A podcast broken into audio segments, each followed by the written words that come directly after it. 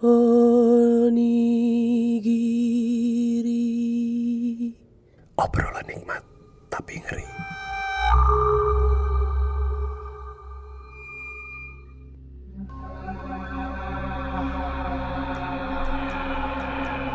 Halo, nama gue T. Umur gue 26 tahun. Sekarang gue bekerja di salah satu digital agensi media di Jakarta. Dulu gue punya banyak banget cerita serem. Begini ceritanya. Jadi cerita ini terjadi sekitar 11 tahun yang lalu. Waktu itu gue masih sekolah SMA Gue di salah satu SMA boarding school asrama yang ada di Pulau Jawa.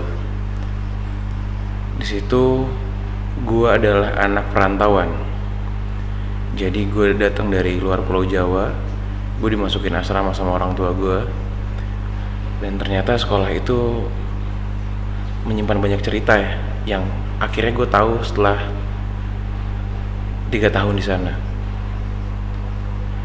Gue akan cerita dari pertama kali, pertama kali atau pertama hal yang gue rasakan sekitar 11 tahun yang lalu. Waktu itu gue masih kelas 1 Jadi kalau sekolah-sekolah asrama atau yang sampai pesantren itu biasanya kita tuh selalu sholat lima waktu bersama-sama. Waktu itu posisinya di masjid. Gue lagi nunggu azan isya. Jadi dari sholat maghrib sholat isya kita stay di situ rame-rame. Waktu itu gue lagi homesick banget lagi kepikiran keluarga ya lu bayangin aja masuk asrama jauh dari keluarga jauh dari orang tua. Jadi gue sedikit kosong lah. Dan di dekat masjid itu ada seperti hutan-hutan yang tidak terurus. Jadi pohon-pohonnya dibiarkan tumbuh liar. Jadi waktu gue lagi bengong gue ngelihat ke dalam hutan itu ada salah satu pohon yang bergerak dia bergerak maju dan mundur. Tapi waktu itu gue tidak percaya. Ah nggak mungkin lah. Sepertinya gue salah lihat deh. Masa iya pohon gerak? Tapi bukan orang juga. Karena nggak kelihatan kayak orang. Akhirnya gue cuekin gue ngobrol sama temen gue yang lain. Terus gue penasaran dong tapi. Ah coba gue lihat lagi deh. Pas gue lihat pohonnya diem. Ternyata dia mundur maju mundur maju. Sampai gue ngucek-ngucek mata. Sampai gue coba buang pandangan gue ke tempat lain dan lihat ke situ lagi. Dan sampai akhirnya gue ngajak teman-teman gue untuk lihat ke arah itu. Tapi cuma gue yang bisa ngeliat itu bergerak. Kata teman-teman gue enggak gue nggak bergerak. Ya, mungkin akhirnya gue positive thinking oh iya gue juga tidak memakai kacamata. Jadi mata gue tidak minus atau tidak plus.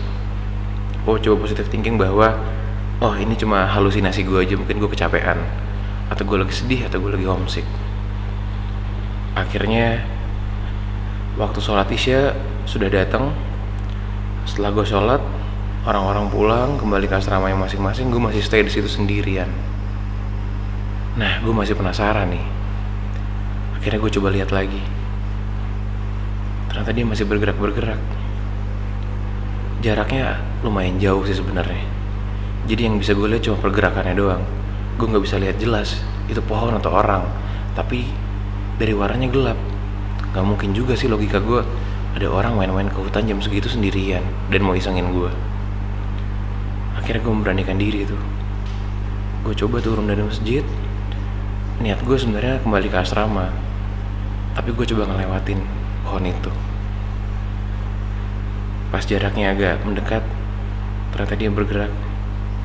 Dan ternyata itu bukan pohon. Itu adalah pocong.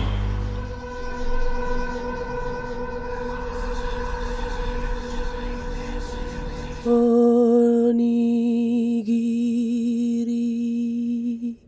Obrolan nikmat tapi ngeri